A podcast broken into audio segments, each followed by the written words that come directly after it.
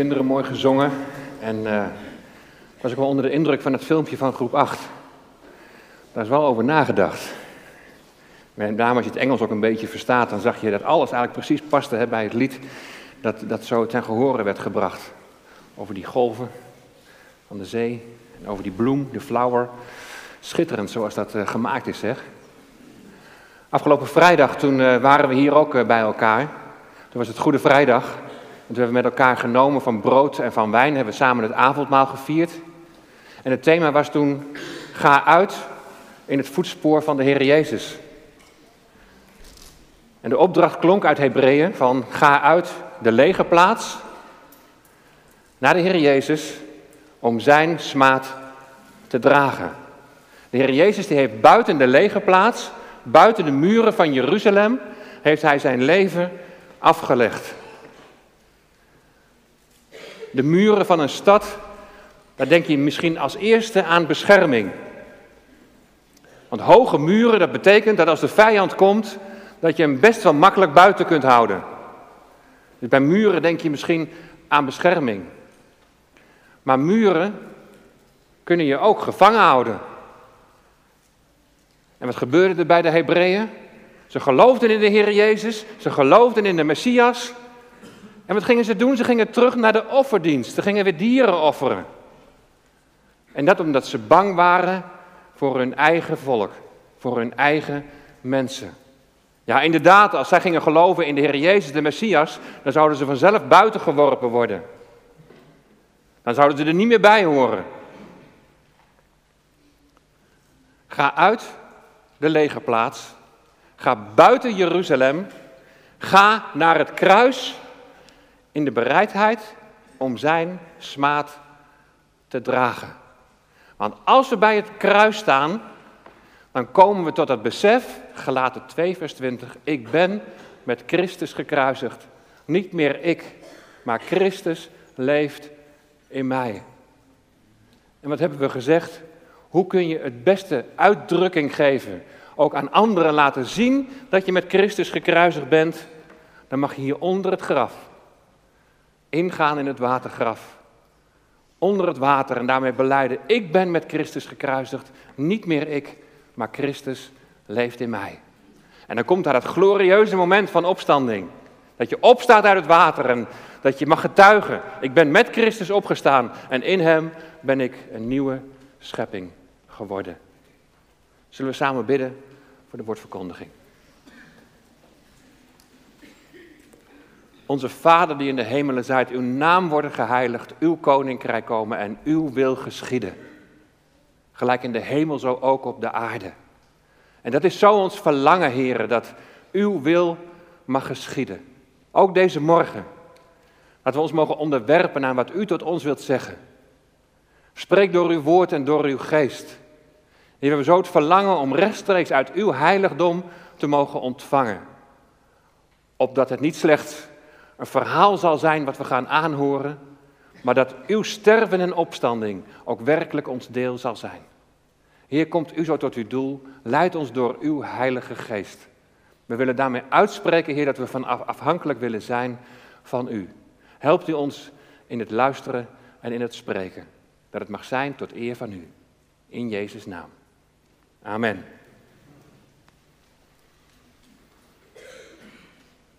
We gaan twee Bijbelgedeelten lezen. 2 Korinthe 15, vers 14 tot en met 18. En daarna 1 Petrus 1, vers 3.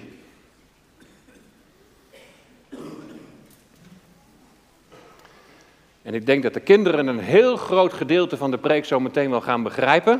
Er komen ook nog wat plaatjes bij. Er komt straks ook nog een klein filmpje.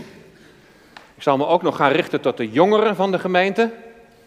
Ook een beetje in aansluiting op, op vorige week wat jullie hebben gehoord. En wat voor de kinderen en de jongeren goed is, dat is voor ons als volwassenen ook goed. Laten we luisteren naar 2 Korinthe 5, vers 14 tot en met 18. Dat is misschien voor de kinderen nog een klein beetje moeilijk, maar ik hoop dat je straks iets meer van gaat begrijpen.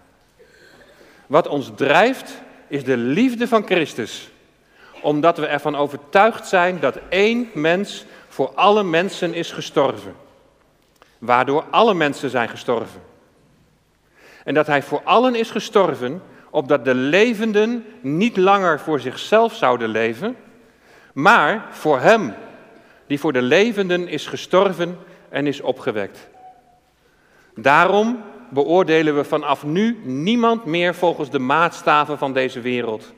Ook Christus niet, die we vroeger wel volgens die maatstaven beoordeelden. Daarom ook is iemand die één met Christus is, een nieuwe schepping. Het oude is voorbij, het nieuwe is gekomen. Dit alles is het werk van God.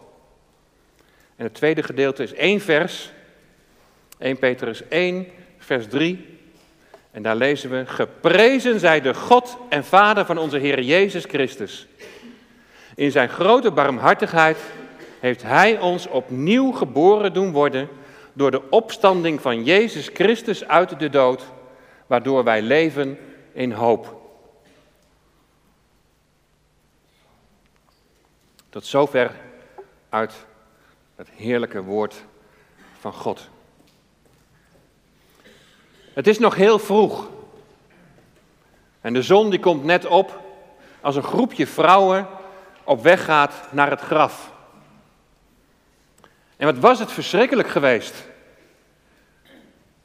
Toen de Heer Jezus daar hing aan het kruis, ze hadden het gezien. Hun Heer, hun Heiland, hij is gestorven. Hij is dood. En hij ligt in het graf met een grote steen ervoor. Het heeft ongeveer er zo denk ik een klein beetje uitgezien. Zo in een rotsholte en dan zo'n grote steen.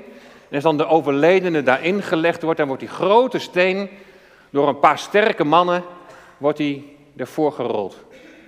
Misschien ook wel sterke vrouwen. Dus daar kom je niet zomaar uit. Daar kun je niet zomaar in je eentje even die steen aan de kant gooien en dan zeggen, nou hier ben ik weer.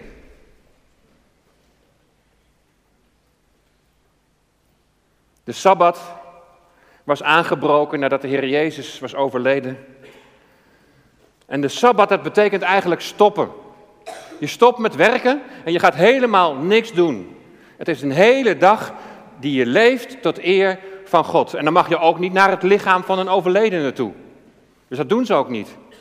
Maar de volgende dag, heel vroeg, als de zon opgaat, dan gaat een groep vrouwen op weg naar het graf.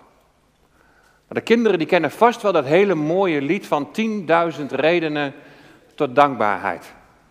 Weten jullie nog hoe dat begint? Wie weet het?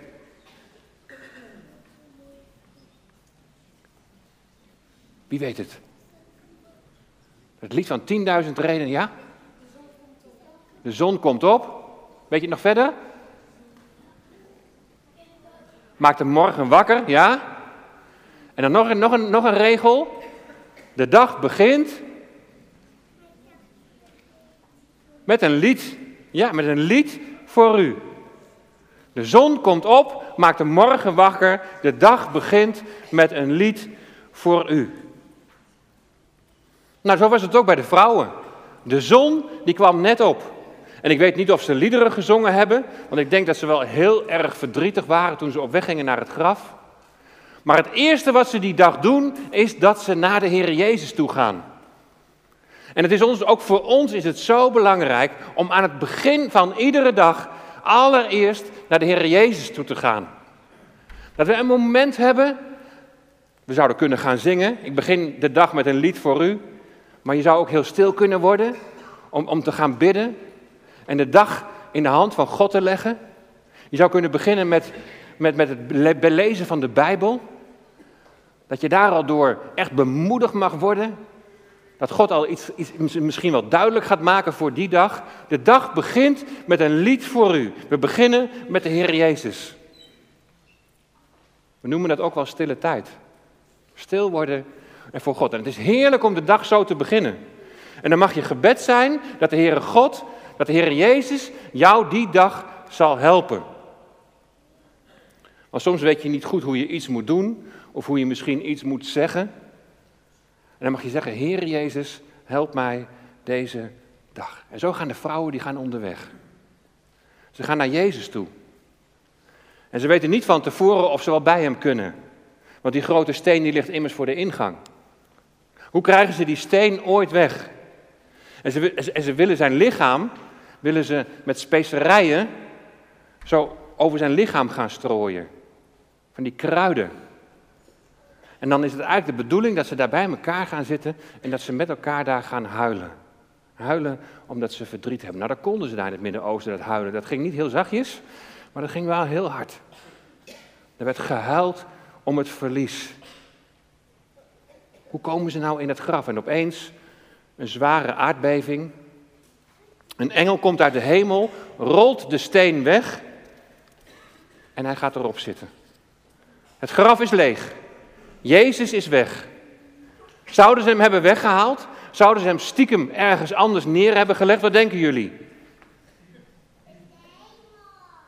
Oh, ja, daar ging hij ook naartoe. Hij is opgestaan, precies.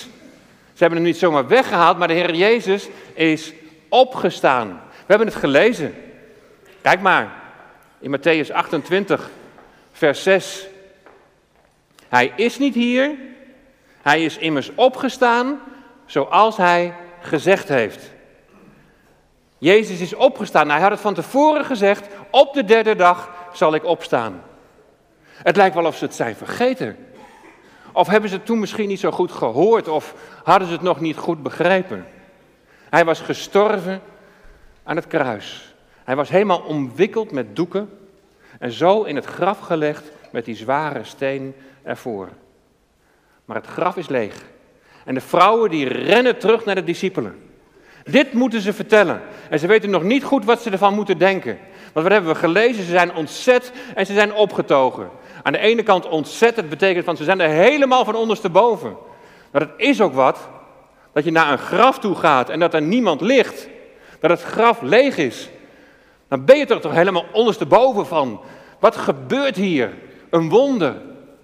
Maar tegelijkertijd zijn ze ook verheugd, zijn ze blij.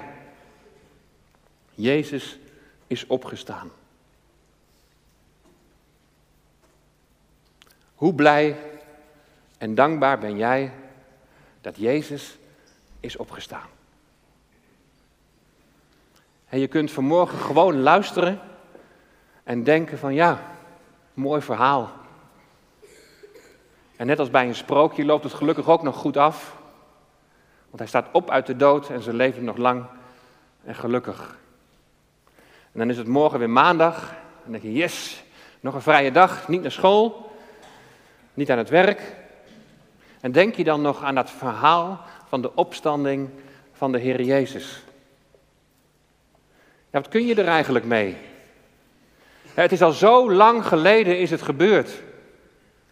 En je zult je misschien afvragen, ja, wat, wat heb ik er nu aan? Waarom zijn, zijn al die mensen zo blij als ze met elkaar zingen, mijn verlosser leeft? Als je nu echt graag wilt dat het opstaan van Jezus uit de dood meer voor jou is dan een verhaal. Denk dan nog eens aan wat Jan vorige week zei toen hij met ons deelde over Bartimaeus. Wie van de jongeren onder ons, wie weet nog die drie punten die hij noemde? Je mag alles vergeten wat hij had gezegd, maar die drie punten die moest je onthouden. Wie weet het nog? Waar begon het mee? Wat was het eerste?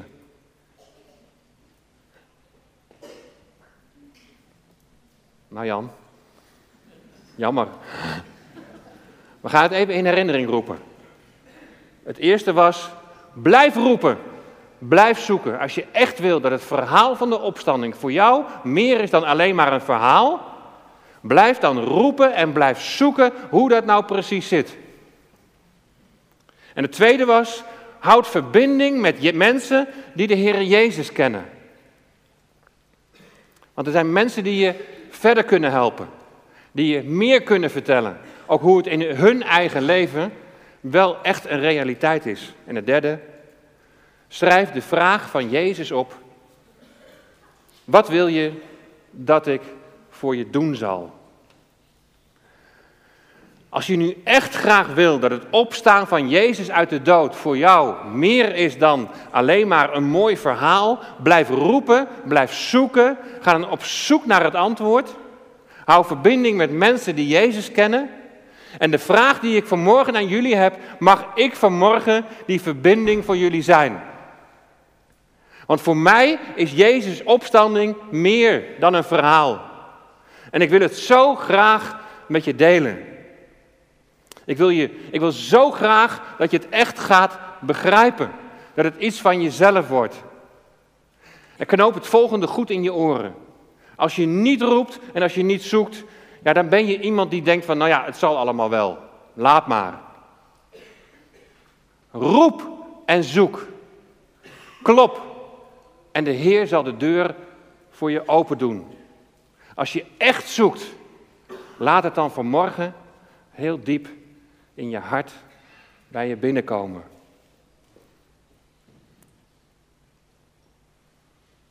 Ik zou zo graag willen dat het iets van jezelf wordt.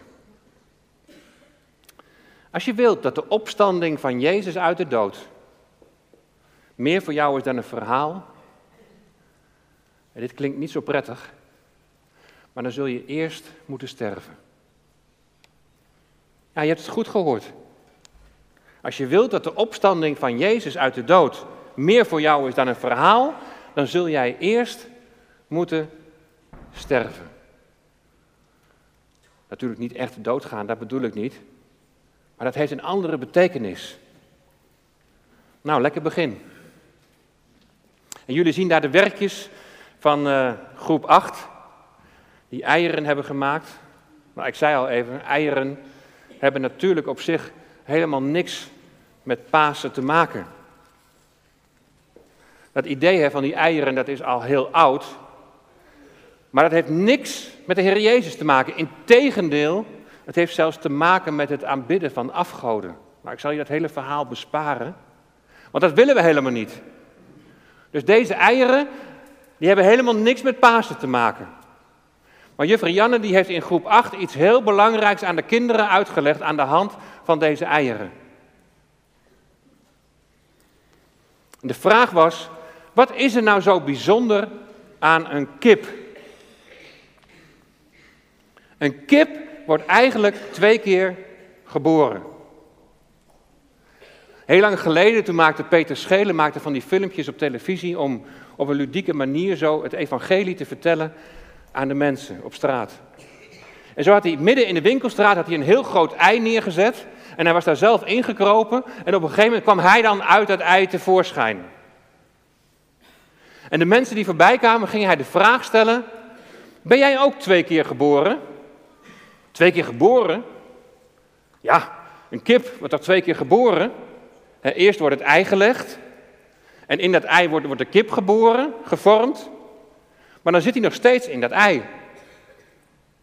Je hebt misschien wel eens een filmpje gezien. Hè, dat zo'n kuiken uit het ei komt. Heel langzaam wordt die schaal van het ei wordt dan gebroken. Totdat het kuiken eruit komt. En dan kan hij pas echt leven en echt bewegen. Kijk maar eens even goed hoe dat gaat. Dit ei is al een paar weken bebroed. Er komt een barsje in dat steeds groter wordt. Het kuikentje maakt met de eitand op de snavel de ijschaal van binnenuit stuk. Eerst zijn de donsveertjes nog helemaal nat en aan elkaar geplakt. Als het kuiken al helemaal uit het ei is, zijn de veertjes nog steeds nat. Maar na een uurtje is het kuiken een donzig balletje dat op eigen pootjes kan staan.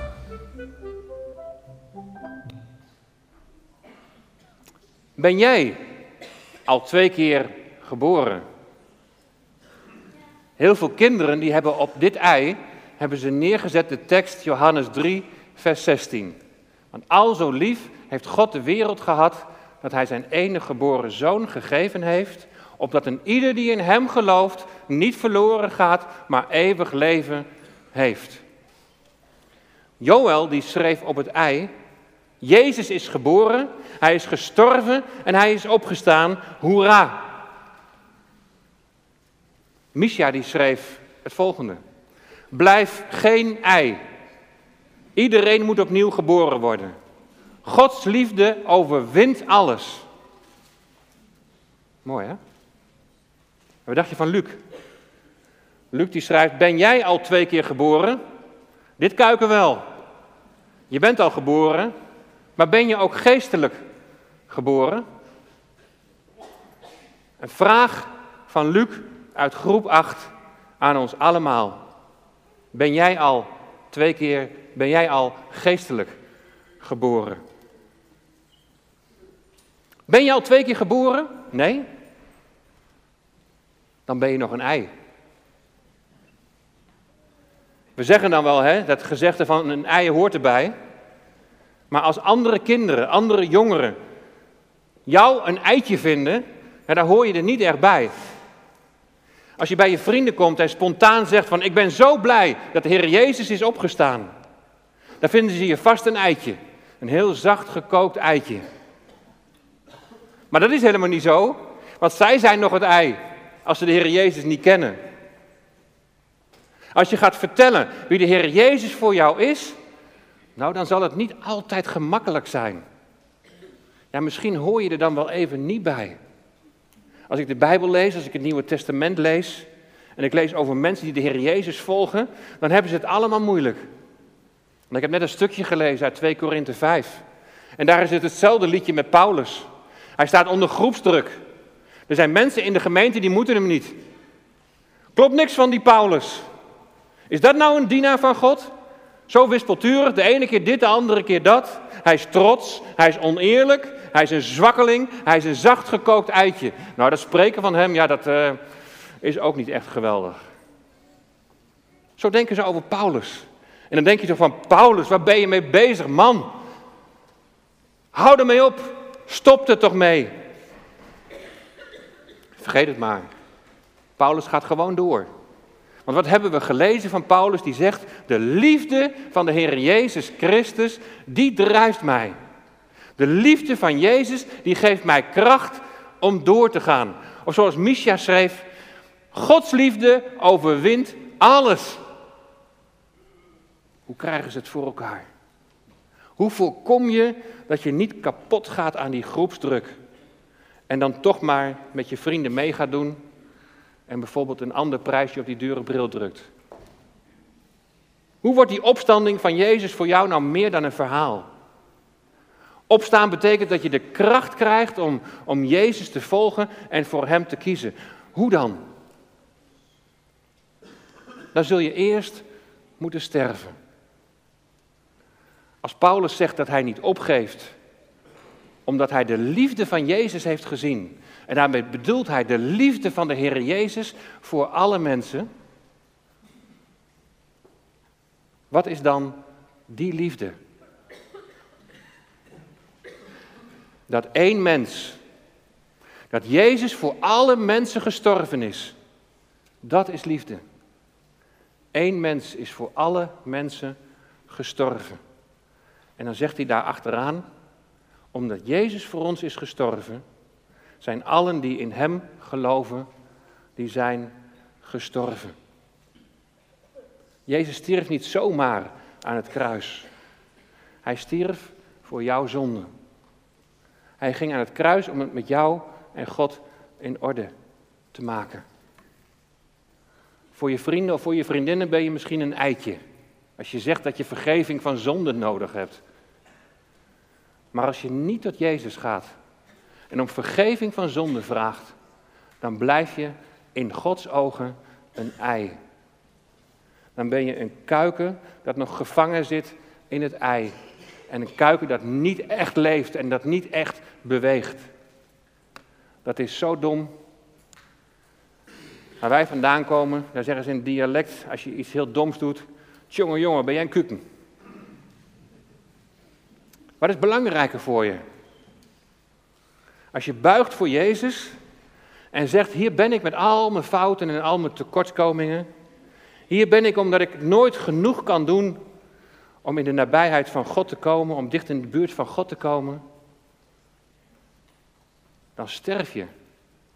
Dat is sterven aan jezelf. Net zoals het sterven van Jezus leek op een nederlaag. Ze lachten hem uit. Als je de zoon van God bent, red dan jezelf. Zo zullen vrienden en vriendinnen om je heen precies hetzelfde denken als jij buigt voor Jezus. Maar het is geen nederlaag. Het is een overwinning. Want het blijft niet bij het kruis. In 1 Petrus 3 staat dat jij door Jezus opstanding opnieuw geboren wordt. En de eierschaal die breekt en je breekt uit en je komt echt tot leven, omdat je echt blij kunt zijn, oprecht blij kunt zijn dat Jezus leeft. Nou, je hebt het filmpje van dat kuikentje heb je kunnen zien. Het kuikentje dat uitbreekt. Je ziet dat de schaal meer en meer breekt. En dat de kracht van de Heilige Geest zo bij ons allemaal mag doorbreken, omdat je echt tot leven komt. En je krijgt dan een nieuw leven, een leven met God. We hebben het gelezen, het oude is dan voorbij en het nieuwe is gekomen. En we zagen een heel schattig kuikentje. En het is nog zo heel klein. En het is nog zo heel kwetsbaar. En weet je, daarom is die verbinding met andere christenen zo belangrijk. En er zijn hier in de kerk, als jij het idee hebt dat je zo'n kuikentje bent, misschien nog maar heel jong, en misschien nog maar net tot geloof gekomen, dan mag je weten dat hier in de kerk heel veel kippen zijn die je heel graag onder hun vleugels willen nemen. Die je willen vertellen over de Heer Jezus, die je willen vertellen over hun leven met hen. En die zullen ook vertellen dat het hun ook niet altijd gelukt is om het precies zo te doen als de Heer Jezus had gevraagd. Die zullen heel eerlijk zijn dat het ook soms moeilijk is om de Heer Jezus te volgen. Het gaat ook wel eens mis, ook als je Jezus kent. Maar dan lees je weer opnieuw en dan denk je, ja, maar wacht, het oude was toch voorbij? Dan kom je tot de Heer Jezus, Heer Jezus, ja vergeef me, want dit was niet de bedoeling, maar het oude leven was toch gestorven, het was toch helemaal weggedaan, het was toch voorbij? Dinsdag toen zat ik hier in een fontein te werken en hiernaast stond keihard de muziek aan. Joke Buis. Zing, o oh zing. Je kent hem toch wel? Van mijn verlosser. Moet ik nou alleen zingen? Met zijn bloed kocht hij ook mij. Aan het kruis schonk hij genade. En ik was vrij. En, en, en daar fietsten allemaal jonge lui, die fietsten daar zo langers. En die zaten zo, zo te kijken van, die zijn maar te lachen zo van, die, uh, die zijn niet helemaal normaal. Misschien fietste jij er wel tussen. Een beetje meelachen. Want ja. Maar aan de andere kant ook wel een beetje dat gevoel van, ja, het voelt ook eigenlijk helemaal niet, niet helemaal goed. Als je bent gestorven, als je je leven aan de Heer Jezus hebt gegeven, en dat geldt niet alleen voor de jongeren, maar dat geldt voor ons allemaal. Sta op en ga in Jezus' voetspoor. Schaam je niet voor Hem, maar sta op voor de Heer Jezus. Kies niet de weg van deze wereld, maar kies de weg van Jezus. En de weg van Jezus is een smalle weg. En het is geen gemakkelijke weg. Maar als je dan denkt aan de liefde van Jezus, dat Hij als mens voor alle mensen is gestorven, dan geeft dat kracht om naar Hem te luisteren en te doen wat Hij van je vraagt. Hij gaf zijn leven opdat de levenden, wie Hij tot leven, tot eeuwig leven heeft gewekt, niet langer voor zichzelf zouden leven, maar voor Hem die voor de levenden is gestorven en is opgewekt. Dat is de bedoeling, dat wij gaan leven voor Hem. Dat we Hem in ons leven aanbidden. Dat Hij in ons leven op de eerste plaats staat. En dan komen we misschien als een kuikentje, heel kwetsbaar. En dan beginnen we heel enthousiast. En af en toe dan, dan struikelen we weer eens even. En dan hebben we die andere kip nodig die ons eventjes weer oppikt. En die ons onder zijn of haar vleugels neemt. Van kom maar, ik help je wel verder. En zo zijn we samen onderweg. Maar met het verlangen om God de lof en de eer te geven die hem toekomt. Dat nieuwe leven in Jezus, daar kun je in mensen zien. Er zijn mensen die niet meer voor zichzelf leven. Er zijn mensen die niet meer zeggen ikke, ikke, ikke, maar die zeggen hij, hij, hij. En dan komt Jezus met die vraag: Wat wil je dat ik voor voor je doen zal? O Heer Jezus, maak mij vol van uw Heilige Geest, want ik heb u zo nodig. Hey Paulus, wie ben je eigenlijk? Dan kunnen vrienden of vriendinnen kunnen ook tegen je zeggen: Wie ben jij eigenlijk? Doe toch gewoon een beetje mee, hoor, stel je niet zo aan. Wees niet zo'n zacht gekookt eitje. En weet je wat Paulus dan zegt in 2 Korinthe 5, vers 11? God weet precies wie of wat ik ben. Als jij in Jezus gelooft en Hem volgt in je leven, dan ziet God, de Heer Jezus, in jou. Niet Jezus die gestorven is en in het graf is gebleven, niet het kuiken dat nog in het eitje zit, maar Jezus de overwinnaar, de opgestane Heer. Dan ziet hij dat kuikentje dat uitgebroken is. Nog heel kwetsbaar. En daarom, o Heer, vul mij, maak mij vol van uw Heilige Geest.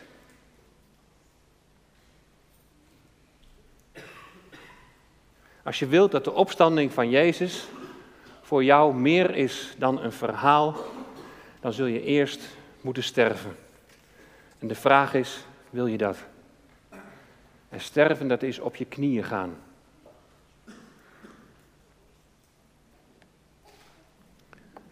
Sterven is tot de Heer Jezus gaan en zeggen: Dank u.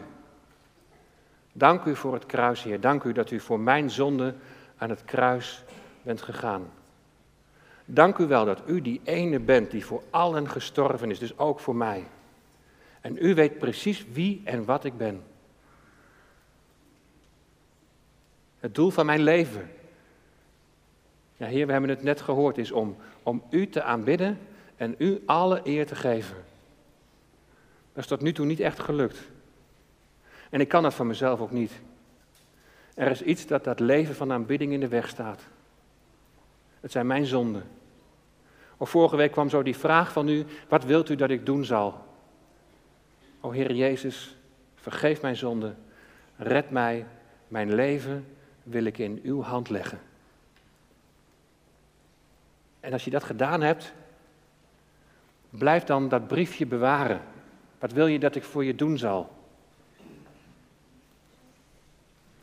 Want dan mag je weer iedere dag opnieuw vragen: vul mij. Maak mij vol van uw Heilige Geest en bescherm mij en help mij. Want ik kan het niet alleen. we zijn er wel op gericht om Hem te aanbidden. We willen het wel, maar het gaat niet zoals we het altijd zouden willen. Als u dan vraagt, wat, als we dan vragen wat Hij voor ons doen kan, dan zeggen we, Heer, ik heb U nodig. Ik heb U zo nodig. Ik zou je echt willen aanmoedigen en willen uitdagen. Sta op in Jezus voetspoor. Opstaan om God te dienen. Opstaan om van Hem te getuigen. Geef daarin je vrijmoedigheid niet prijs en schaam je niet voor het evangelie. Dat je door de kracht van de Heilige Geest in beweging zult komen om je naaste te dienen. En dat je in het zijn voor je naaste de Heer Jezus mag laten zien. Zo met de Heer Jezus wandelen is niet altijd gemakkelijk. Maar God heeft beloofd wat Hij in jou is begonnen. En Hij is met jou begonnen.